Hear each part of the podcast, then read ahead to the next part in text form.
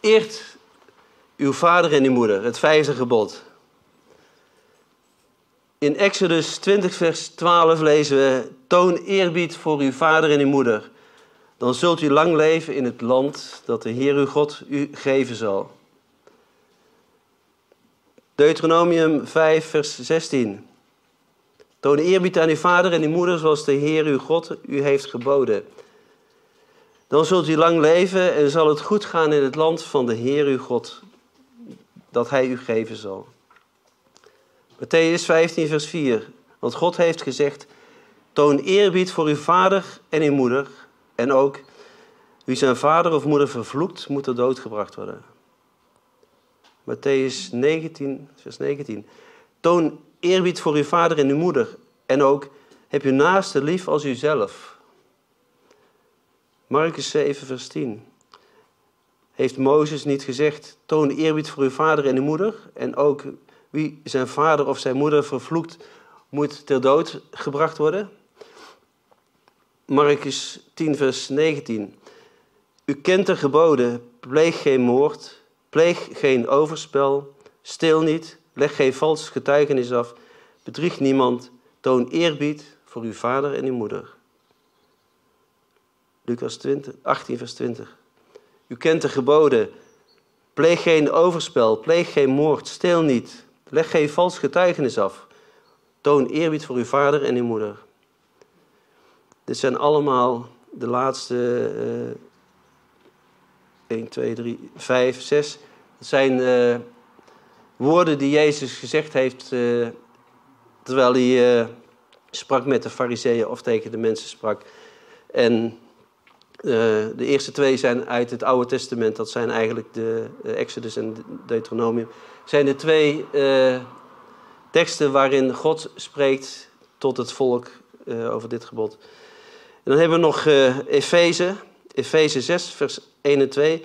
Kinderen, wees gehoorzaam aan je ouders uit ontzag voor de Heer, want zo hoort het. Toon eerbied voor uw vader en uw moeder.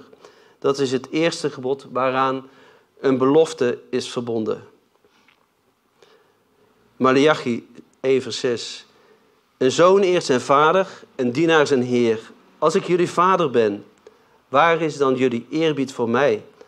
Als ik jullie heer ben, zegt de Heer van de hemelse machten.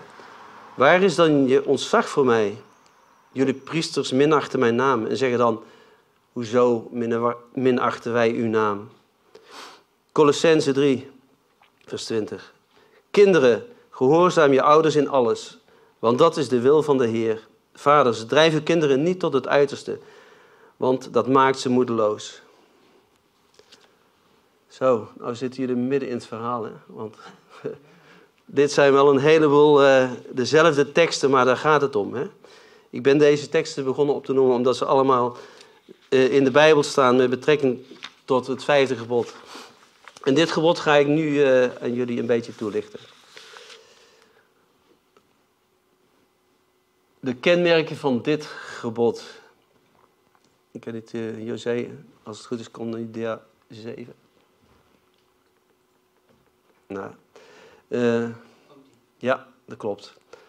Ik heb hier uh, de twee tafels getekend, zoals jullie zien. In, het vijfde gebod staat onderaan. Ik heb ze even een beetje heel kort samengevat. maar het vijfde gebod staat in tafel 1. En dan zie je dat er bruggetjes zijn. Bruggetjes met het eerste, de eerste onderdelen van het eerste gebod. Dat gaat over God. In het eerste gebod staat God centraal.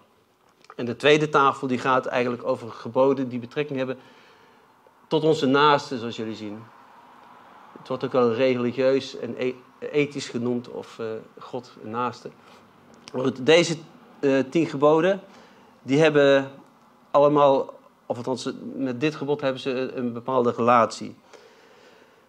Uh, dus wat ik zei, eerste is uh, de relatie met het uh, respecteren en de relatie met God centraal. En ouders kun je eigenlijk zien als beelddragers van God. Van God hebben we het leven gekregen, maar van hen hebben wij ook het leven gekregen. En ze hebben ons opgevoed, ze hebben ons verzorgd. Ze hebben ons hun liefde gegeven. Kijk, en God dat is de bedoeling, dat, die behandel je met respect. En, uh, en die behandel je met eer. Dat geldt natuurlijk ook voor onze ouders. En ook de autoriteit en de rol van de ouders kun je vergelijken met de autoriteit en de rol van God. En al deze kenmerken die ik net noemde, die zie je terug in God. Hè? Dus uh, ons liefde gegeven, ons leven gegeven. En dat is ook logisch natuurlijk, want uh, zoals de Bijbel ook zegt, wij zijn immers naar het beeld van God geschapen. Dus wij lijken op God in dat opzicht. Daarnaast is er ook nog die brug naar uh, de tweede tafel, waarin de naaste centraal staat. En dan kun je denken, ja, als kind, wie is je naaste? Dat is in eerste instantie natuurlijk je ouder. De ouders zijn jouw eerste naaste waar je mee te maken hebt. En die verantwoordelijkheid, zeg maar, voor je naaste, die geldt ook voor je ouders. En dat verband is er dus uh, in eerste instantie. En verder is er het verband met de andere geboden. Want ja, niet doden en uh, niet stelen en liegen en zo, dat mag je ook verwachten van een kind ten aanzien van uh, de ouders. Dus het gaat erom dat we onze ouders eerbiedigen en dat we dat dan ook op deze manier doen. Er is een beloning of een belofte aan dit verbond gekoppeld. Dan zou je zeggen, ja, die belofte die hebben we net gelezen, dat we lang zullen leven in het land dat de Heer u geven zal. En uh, dat lang leven, dat lijkt in eerste instantie te slaan natuurlijk op de ouders. Als jij goed voor je ouders zorgt, dan zullen zij lang leven. Maar, want zij profiteren direct. Maar dat is, ja, als je de tekst goed leest, dan slaat het eigenlijk op degene aan wie het gebod gericht is. En dan kun je zeggen, ja oké, maar hoe zit het dan? Nou, ik denk, kinderen worden ook ouders. En als jij een goed voorbeeld hebt gegeven aan jouw ouders, dan uh, zullen jouw kinderen later hetzelfde doen ten aanzien van jou. Dus het gebod, als het ware, herhaalt zich. Dus eigenlijk kun je zeggen dat ouders een langer leven krijgen omdat zij als kind ook dit gebod hebben nageleefd. Zij hebben waarschijnlijk ook goed voor hun ouders gezorgd. En waar het om gaat is dat het dan als het ware een belofte is voor de toekomst. Ja. Wat kinderen zelf doen, dat zie je dan terug in hun kinderen. In Deuteronomium 5 staat er nog een extra toevoeging. Uh, en dat gaat over, opdat het u wel gaat in het land dat de Heer u geeft. En nou is het niet zo dat wij allemaal uh, van God een stukje land krijgen. Want zo wordt deze tekst niet bedoeld. Hè? Uh, dat gold wel voor Israël destijds, want zij waren in de woestijn en zij eh, gingen naar het land Canaan en daar doelde dit eh, toen op. Maar ik denk dat we dit nou gewoon kunnen zien als van de plek waar je bent. Het land waar je bent, het land wat God ons geeft, waar wij, waar wij zijn. Daar mogen wij dit gebod uitoefenen. En in Colossense 3 staat ook nog eens dat, uh, dat het God behaagt, dat hebben we net ook gelezen. Dat het zijn wil is. En iets wat God behaagt, iets wat zijn wil is, dat is goed en dat is mooi. En ik, dat zal ook op je terugkeren. Dat zal ook jou weer uh, tot zegen zijn. Dan uh, wat praktische dingen, de praktische uitvoering. Deze wil ik hier nader toelichten. En dat is, het eerste is een respectvolle relatie. Het woord eren dat uh, woord, dat heeft een betekenis. En dat is eigenlijk uh, groot gewicht toekennen. Groot gewicht toekennen, dat uh, is misschien ook nog niet meteen duidelijk, maar het zijn woorden die erbij horen zijn belangrijk, of aanzien, of positie, of respect. Dat zijn woorden die daar ook bij horen. En als deze houding, dus een houding van respect en eerbied en uh, je ouders belangrijk vinden, als die houding bij ons aanwezig is, dan tonen wij eerbied. Dan laten wij zien dat wij onze ouders eerbiedigen. En onze ouders, als het goed is, die leren ons vanaf onze prille jeugd om respect te hebben. Om aandacht voor elkaar te hebben, om te luisteren, om dankbaar te zijn. En zij verdienen het om op later op dezelfde wijze door ons behandeld te worden. Zoals zij ons behandeld hebben, zo mogen wij eigenlijk hen behandelen. eigenlijk is het hetzelfde als onze omgang met God. Onze God die houdt van ons, die heeft ons een leven gegeven. En wij mogen Hem daarvoor ook respecteren en wij mogen Hem daar ook voor eren en uh, dankbaar zijn.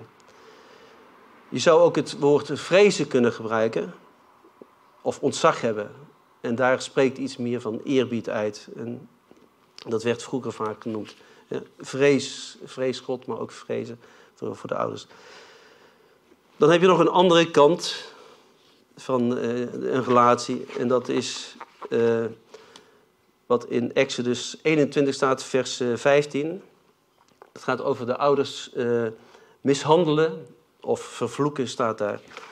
En het mishandelen dat duidt dan niet meteen op slaan of zo, maar het kan ook, het is gewoon een diepe vorm van disrespect, van onteren. En dat uh, kun je zien als niet respectvol met, met je ouders omgaan. En de vloek die daar wordt beschreven, dat kun je opvatten als niet alleen als vervloeken, maar ook beledigen of kleineren of verachten. En er staat in beide gevallen een zware straf op. Hè? In het Oude Testament stond daar de doodstraf op. In het Oude Testament vinden we trouwens nog meer vormen van omgang met onze ouders. En dat kom je met name tegen in het boek Spreuken. Ik weet niet of dat jullie dat wel eens lezen, maar dat is een heel mooi boek vol uh, wijsheden. Van Salomo staat erbij, maar er staan ook wel andere wijsheden in, volgens mij. Uh, Spreuken 15, ik noem er een aantal. 15 vers 5, het gaat over terechtwijzen. Dan staat mijn zoon laat je terechtwijzen door je, door je vader. In vers 20, of in, uh, ja, vers 20 van uh, Spreuken 15 staat wijs zijn, wees wijs.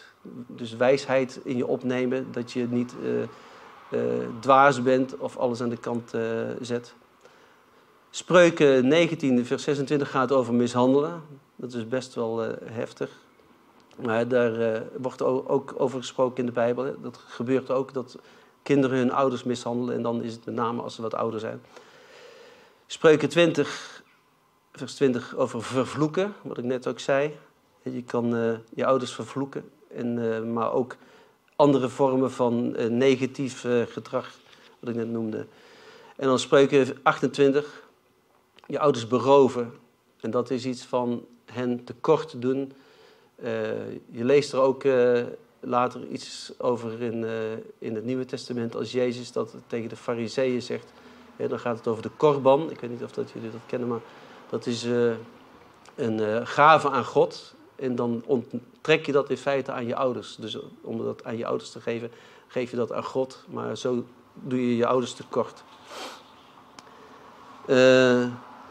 zoals jullie zien, een heel breed spectrum van handelingen waarmee wij onze ouders kunnen eren. Hè? En dan zijn de negatieve voorbeelden voor ons bedoeld om aan te geven hoe we het niet moeten doen. En uh, ik wou nog iets zeggen over mijn zus. Uh, jullie weten, zij zit in een verzorgingshuis. Maar ik was er laatst uh, met haar, gingen we naar het circus. En daar zag ik met name wat oudere mensen met dementie. En ja, wat mij opviel, is hoe die mensen verzorgd werden door hun kinderen. Dat vond ik zo mooi. Ik bedoel, die uh, dochter die erbij zat, die ging op haar knieën voor de moeder, want die zat in een rolstoel. Om haar aan te spreken. Met andere woorden, niet vanuit de hoogte, maar vanuit een gelijk niveau. En ook hoe ze, zeg maar, het was een beetje koud, hoe ze hun ouders toedekten, een, een sjaaltje eromheen deden en uh, haar gewoon uh, behoeden tegen de kou. En dacht van nou, hoe, is, hoe mooi is dat? En zo is het ook denk ik bedoeld. Zo heeft God het bedoeld om met onze ouders om te gaan. En het is natuurlijk niet alleen hoe wij handelen, maar het is ook onze houding, onze emotie uh, die daarbij een rol speelt. Het volgende punt is zorg. Want zorg heb je mee te maken vooral bij ouderdom. Zorg voor oudere mensen is eigenlijk een taak van de hele gemeenschap, maar eigenlijk ook specifiek voor onze kinderen, voor de kinderen. En het nabije oosten dan worden soms contracten gemaakt waar, eh, in de erfenis en de zorg, die wordt daar geregeld in zo'n contract. En dan gaat het om voorzien in behoeften van de ouders, uh, onderdak geven, eten geven, kleding geven, maar ook aandacht en tijd. Waar het eigenlijk om draait in deze zorg is dat uh, het zwakke, de ouderen, de zwakken, die moeten beschermd worden. Daar gaat het in feite in dit gebod om ook. Een mooi voorbeeld van uh, zorgen voor, voor anderen, maar in dit geval ook voor ouders, is het verhaal in Genesis 45. Jullie kennen het allemaal. Hè? Jozef die, is in Egypte terechtgekomen. En op een gegeven moment komen zijn broers daar ook, want ze moeten graan halen om te eten. En dan zie je hoe Jozef, als hij zich op het laatst bekend maakt, hoe hij dan zorgt voor zijn familie. En met name ook voor zijn vader. Hè. Hij haalt ze naar Egypte, hij brengt ze in het land Gozen. Dat is de beste plek die er in Egypte was, zo staat het in de Bijbel. En dan voorziet hij zijn uh, familie van voedsel. Maar als zijn vader Jacob later overlijdt, dan uh, zie je hoe hij zijn vader begraaft. Hij gaat daarmee naar Canaan. In een hele stoet gaan ze door uh, de woestijn naar Canaan. En daar wordt zijn vader begraven. Dat is heel indrukwekkend. Maar zo zie je hoe hij laat zien dat hij zorgt, ook voor zijn vader. Jullie kennen het verhaal van Rut, hè, denk ik. Het verhaal van Rut, dat is een Moabitische vrouw. Die zorgt voor de schoonmoeder Naomi. Naomi die, uh, is een weduwe en die is vertrokken naar eh, Moab. En haar twee zonen die zijn inmiddels overleden, dus ze hebben te maken met drie weduwen. En eentje daarvan die gaat haar eigen weg, maar de andere, Naomi, die blijft bij, of uh, Rut, die blijft bij Naomi. En die zorgt voor haar. Uh, zij kiest ervoor om uh, bij Naomi te blijven en voor haar te zorgen. Ja. En als je dan bedenkt dat Na Naomi is een van de nakomelingen van Lot. Jullie kennen het verhaal van Lot wel met zijn dochters. Nou, en die Moabieten, die daar uh, zeg maar als volk uit voortkomen, daar staat in de Bijbel dat zij niet welkom zijn in de dienst van de Heer. En dat is ook wel heel bijzonder, want later zie je dat zij uh, toch in de levenslijn of de stamboom van Jezus terecht is gekomen. Dus ja, hoe raar kan het lopen soms? Nou, wat je ook ziet hier, dat is dus niet alleen de mannen zijn die zorgen voor de ouders, maar ook vrouwen. Hè? Dus Naomi, uh, of Rut, die zorgt voor Naomi. En wat ook opvalt, is dat het niet alleen maar Israëlieten zijn, dus het Joodse volk dat het. Maar Rut is een Moabitische. En dan moet ik ook denken aan het verhaal van de barmachtige Samaritaan, dat lezen we ook. Samaritanen, dat waren ook niet echte Joden. Dus uh, die, de, de Joden zelf, die moesten er niks van hebben. Die gingen nooit bij ze op uh, bezoek. Want het waren eigenlijk uh, ja, een soort bastaards. Ze waren gemengd in de loop van de geschiedenis met andere volken. Vandaar. Maar dus gaat, dit gaat ook over andere mensen die deze voorbeeldrol vullen dan, vervullen dan de Joden zelf.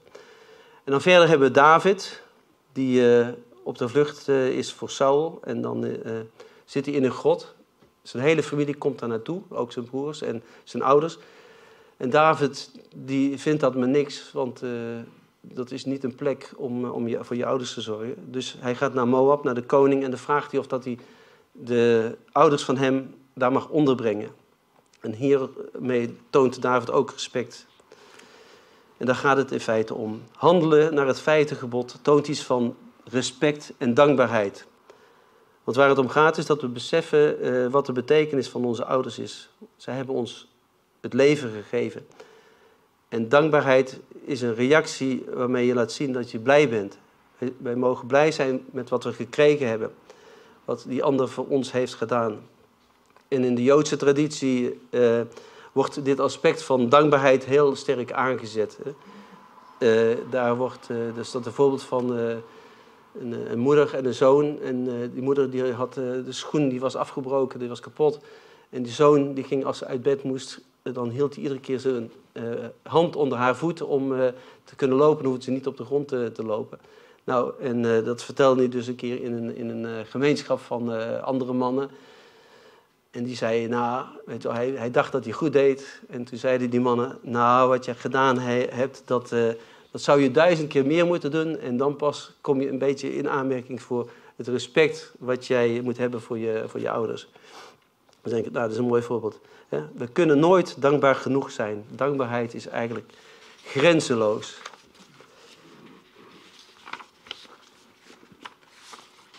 Even kijken. De... Dan iets over gehoorzamen, want dat hoort ook bij het gebod. De Bijbel spoort ons aan om te luisteren, om te gehoorzamen.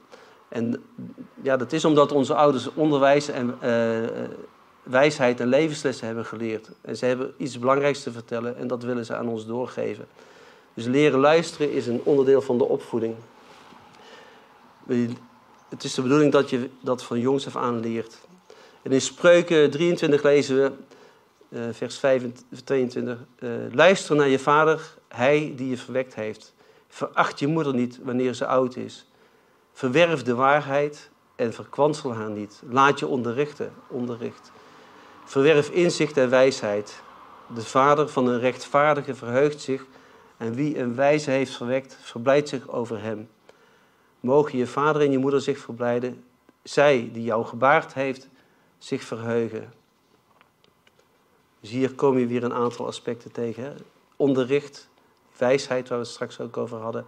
Wijsheid, dat je uh, inzicht en wijsheid uh, moet verwerven. Nou, dat gezag van de ouders, die positie, hun positie en het onderwijs wat ze geven, moet wel passend zijn natuurlijk. Hè? De instructies die ze jou geven of de lessen, die moeten wel goed en effectief zijn. En ze moeten ook een positief resultaat opleveren, want anders dan leidt dat tot, uh, tot verbittering. Tenminste, zo staat het ook in de Bijbel. Het kan tot verbittering leiden.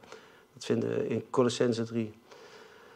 Wat belangrijk is uh, bij de opvoeding is dat we door vorming en vermaning uh, onze kinderen opvoeden. En dat doe je naar de wil van God. Hè? Zoals God dat wil, zo dien je te doen. En niet zoals je zelf dat wil, maar God staat eigenlijk voorop. En gehoorzaamheid, dat levert ook iets op. Het levert iets op voor jezelf, want uh, daar word je beter van. Maar ook voor je ouders, dat hebben we net gezien. Hè? Je ouders die mogen zich verblijden hè? als zij een, een kind hebben wat, wat uh, uh, gehoorzaam is. In het Nieuwe Testament zien we dat dat ook opgeroepen wordt. Hè? In uh, Efeze en Colossense wordt opgeroepen om gehoorzaam te zijn. Maar er is ook een andere kant. En dat is ongehoorzaamheid of niet willen luisteren. En in Deuteronomium daar staat een beeld van, van een zoon die opstandig is en niet wil luisteren. En daar loopt het slecht mee af. Want ja, hij wordt bestraft daarvoor. Maar ongehoorzaamheid hoeft niet altijd per definitie slecht te zijn. Wij gaan ervan uit dat de ouders het goede met ons voor hebben. En uh, dat is niet altijd zo. er zijn ook voor, voorbeelden van slecht ouderschap, hè, waar ouders een slecht voorbeeld geven. Hè, waar ze goddeloos zijn bijvoorbeeld, waar ze helemaal niets met God te maken willen hebben. Of opvoeden op een manier die gewoon hun kind, uh, als het ware, uh, de vernieling in helpt. Maar er zijn ook voorbeelden waarin God uh, oproept om niet het pad van onze voorouders te bewandelen. En dat vinden we terug in Ezekiel. Daar gaat het over de levensgeschiedenis. En daar zegt God tegen de profeet: Ik zei daar tegen hun kinderen dat ze, en dat gaat over het Joodse volk, dat ze zich niet moesten uh, laten leren, dat ze niet moesten leven volgens de bepalingen en regelingen van hun ouders en zich niet moesten verontreinigen door zich in te laten met hun afgoden. Ik, de Heer, ben jullie God. Houd je aan mijn bepalingen en aan mijn regels en leef ze na. Dus hier uh, zien we dat de, het gedrag van de ouders uh, niet als voorbeeld dient te zijn, voor de, te zijn voor de kinderen. En dat zie je ook in het boek Koningen, zie je dat vaak terug in Kronieken. Dat er staat, hij leefde uh, niet naar, naar de, de, zijn voorvader uh, zoals het moest, maar hij handelde op een verkeerde manier. Dus de, het voorbeeld van de ouders is erg belangrijk, denk ik. En dan hebben we ook nog een, een stukje in het Nieuwe Testament. Hè? Ja, ik weet niet of je dat het ongehoorzaamheid moet eh, noemen. Jezus die, uh, is daar als twaalfjarige in de, in de tempel. En uh, dan gebeurt er het volgende. Hij, zijn ouders gaan terug naar huis en dan is, hij, is hij er niet bij. En dan komen ze terug. En dan staat er in vers 48. Toen zijn ouders hem zagen, waren ze ontzet. En zijn moeder zei tegen hem: Kind, wat heb je ons aangedaan? je vader en ik hebben in angst in het hart, met angst in het hart naar je gezocht. Maar hij zei tegen hen: Waarom hebben jullie mij gezocht? Wist u niet dat ik in het huis van mijn vader moest zijn? Maar ze begrepen niet wat hij zei. En hij reisde met hen terug naar Nazareth en was hun gehoorzaam. Nou, hier zijn twee dingen. Hè? De gehoorzaamheid, uh, dat is niet slechts doen wat nodig is, maar ook wat van je verwacht wordt. De ouders die verwachten dat hij mee naar huis zou gaan. Uh, en dat deed hij niet. Jezus had schijnbaar andere bedoelingen, maar zij snapte niet. Maar goed, uh, er staat verderop dat hij hun wel gehoorzaam was. Dus uh, wat dat betreft is het wel goed gekomen.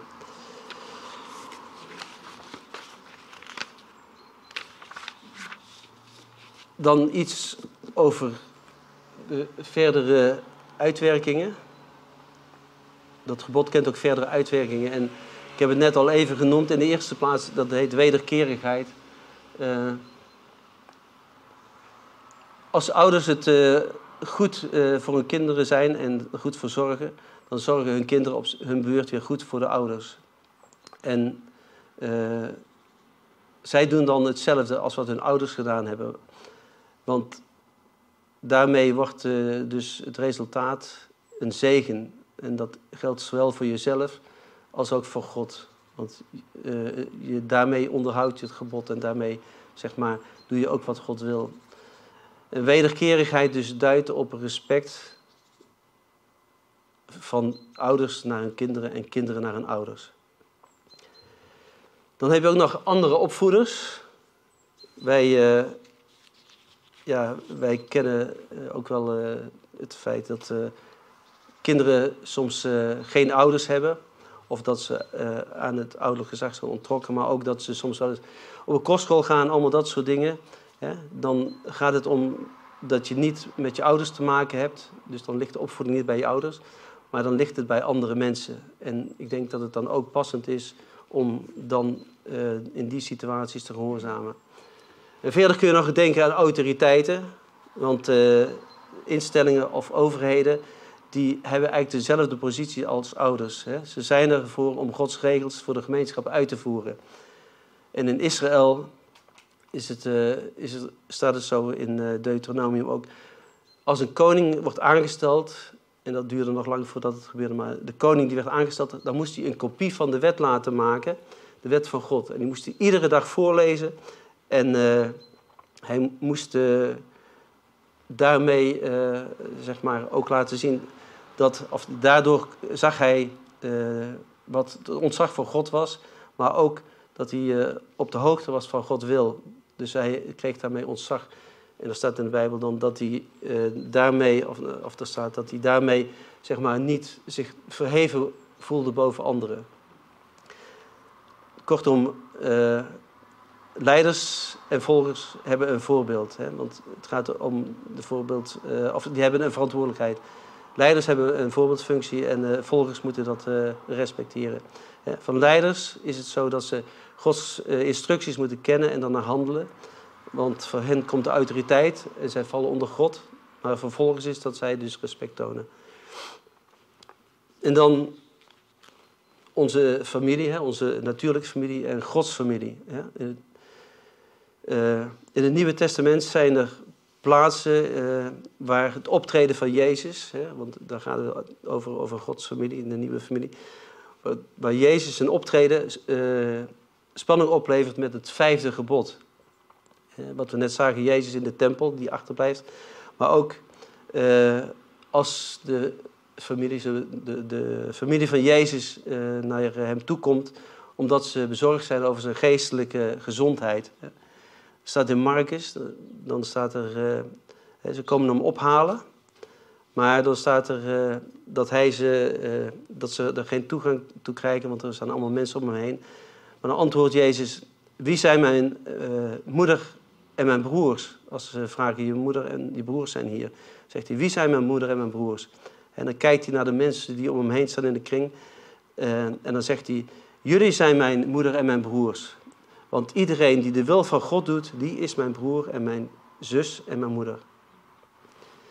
Een ander uh, verhaal is uh, als Jezus aan uh, Jacobus en Johannes vraagt om de boot van hun vader te verlaten en hem te volgen. In Marcus 1. daarmee onttrekt hij eigenlijk de zonen van het zorgen voor hem later. En dat, dat zou kunnen duiden dat daar een spanningsveld ligt met het vijfde gebod. En in Matthäus 10 eh, zegt Jezus, eh, wie meer van zijn vader of moeder houdt dan van mij, is mij niet waard. En wie meer houdt van zijn zoon of dochter dan van mij, die is mij niet waard. Wie zijn kruis niet op zich neemt en mij volgt, is mij niet waard. En in Lucas, vers 14 zegt wie uh, mij volgt, maar niet breekt met zijn vader of moeder, en vrouw en kinderen en broers en zussen, ja, zelfs met zijn eigen leven, is, die kan niet mijn leerling zijn. Wie niet zijn kruis draagt en aan mij, achter mij aankomt, die kan niet mijn leerling zijn. Ja? Dit gaat over discipelschap. Hè? Alles achter je laten en alle dingen die ertoe doen uh, opzij zetten. Om hem te volgen. En we weten, discipelschap kost wat. Hè? Het gaat boven andere toewijdingen. Hè? Vergelijk maar eens Abraham, die uh, zijn land verlaat en uh, zijn familie verlaat en dan door God wordt gestuurd naar het land Canaan. Dat lezen we in Genesis. Het koninkrijk van God is de familie van de volgers van Jezus. Die zijn koninkrijk zoeken, die zijn wil zoeken. En in hoeverre gaat dan het eerste en het vijfde gebod samen? Als we Jezus moeten volgen hè, en alles opzij moeten zetten, geldt dan het vijfde gebod voor ons niet meer? In het Nieuwe Testament en hier komt het antwoord, zien we dat de volgelingen van Jezus niet uh, het familieverband verliezen. Dus dat zij wel degelijk bij hun ouders bleven. En sterker nog, hè, de natuurlijke familie die werd één grote familie. Als je dat in handelingen leest, hoe ze gezamenlijk optrekken en voor elkaar zorgen en zo. En dan krijg je één grote familie God, waar naar elkaar wordt omgezien. Dat lezen we ook in 1 Petrus 2, waarin staat dat we onze broeders en zusters moeten respecteren en eerbiedigen. En dan Jezus zelf, hè? hoe past hij dat gebod toe? Ik ben bijna aan het eh, einde van mijn verhaal. Ja, ik ben bijna aan het einde van mijn verhaal, mensen. Jezus laat hier een aantal voorbeelden zien. Hè? Als, enige zoon, als de enige zoon van de weduwe uh, wordt begraven, en dat lezen we in uh, Lucas dan wekt hij deze enige zoon uit op de dood. Uh, en dan geeft hij hem aan zijn moeder terug. je kent het verhaal, dus in Nain uh, gebeurt dat. En daarmee geeft Jezus dus die zoon de mogelijkheid om weer voor haar moeder te zorgen. Want zij was een weduwe en haar enige zoon die was overleden. Nou, daarmee uh, geeft hij dus die zoon die mogelijkheid om weer voor haar te zorgen. Eenzelfde soort verhaal lezen we uh, ook in Lucas. Dat gaat over een bezeten uh, jongen. Die ook een enige zoon is, maar die is bezeten. En die wordt door Jezus genezen. En daarmee krijgt hij ook de mogelijkheid om voor zijn vader te zorgen. En dan, als Jezus is gekruisigd, hij hangt aan het kruis. En dan zegt hij tegen zijn discipel Johannes dan zegt hij, uh, zoon, daar is uw moeder. En dan wijst hij op Maria, zijn moeder. En zo krijgt zij, Maria, een zoon die voor haar kan zorgen. En dat is een ultieme daad in het leven van Jezus, waarmee hij toont dat hij gekomen is om alle geboden te onderhouden en de schrift te vervullen. Amen.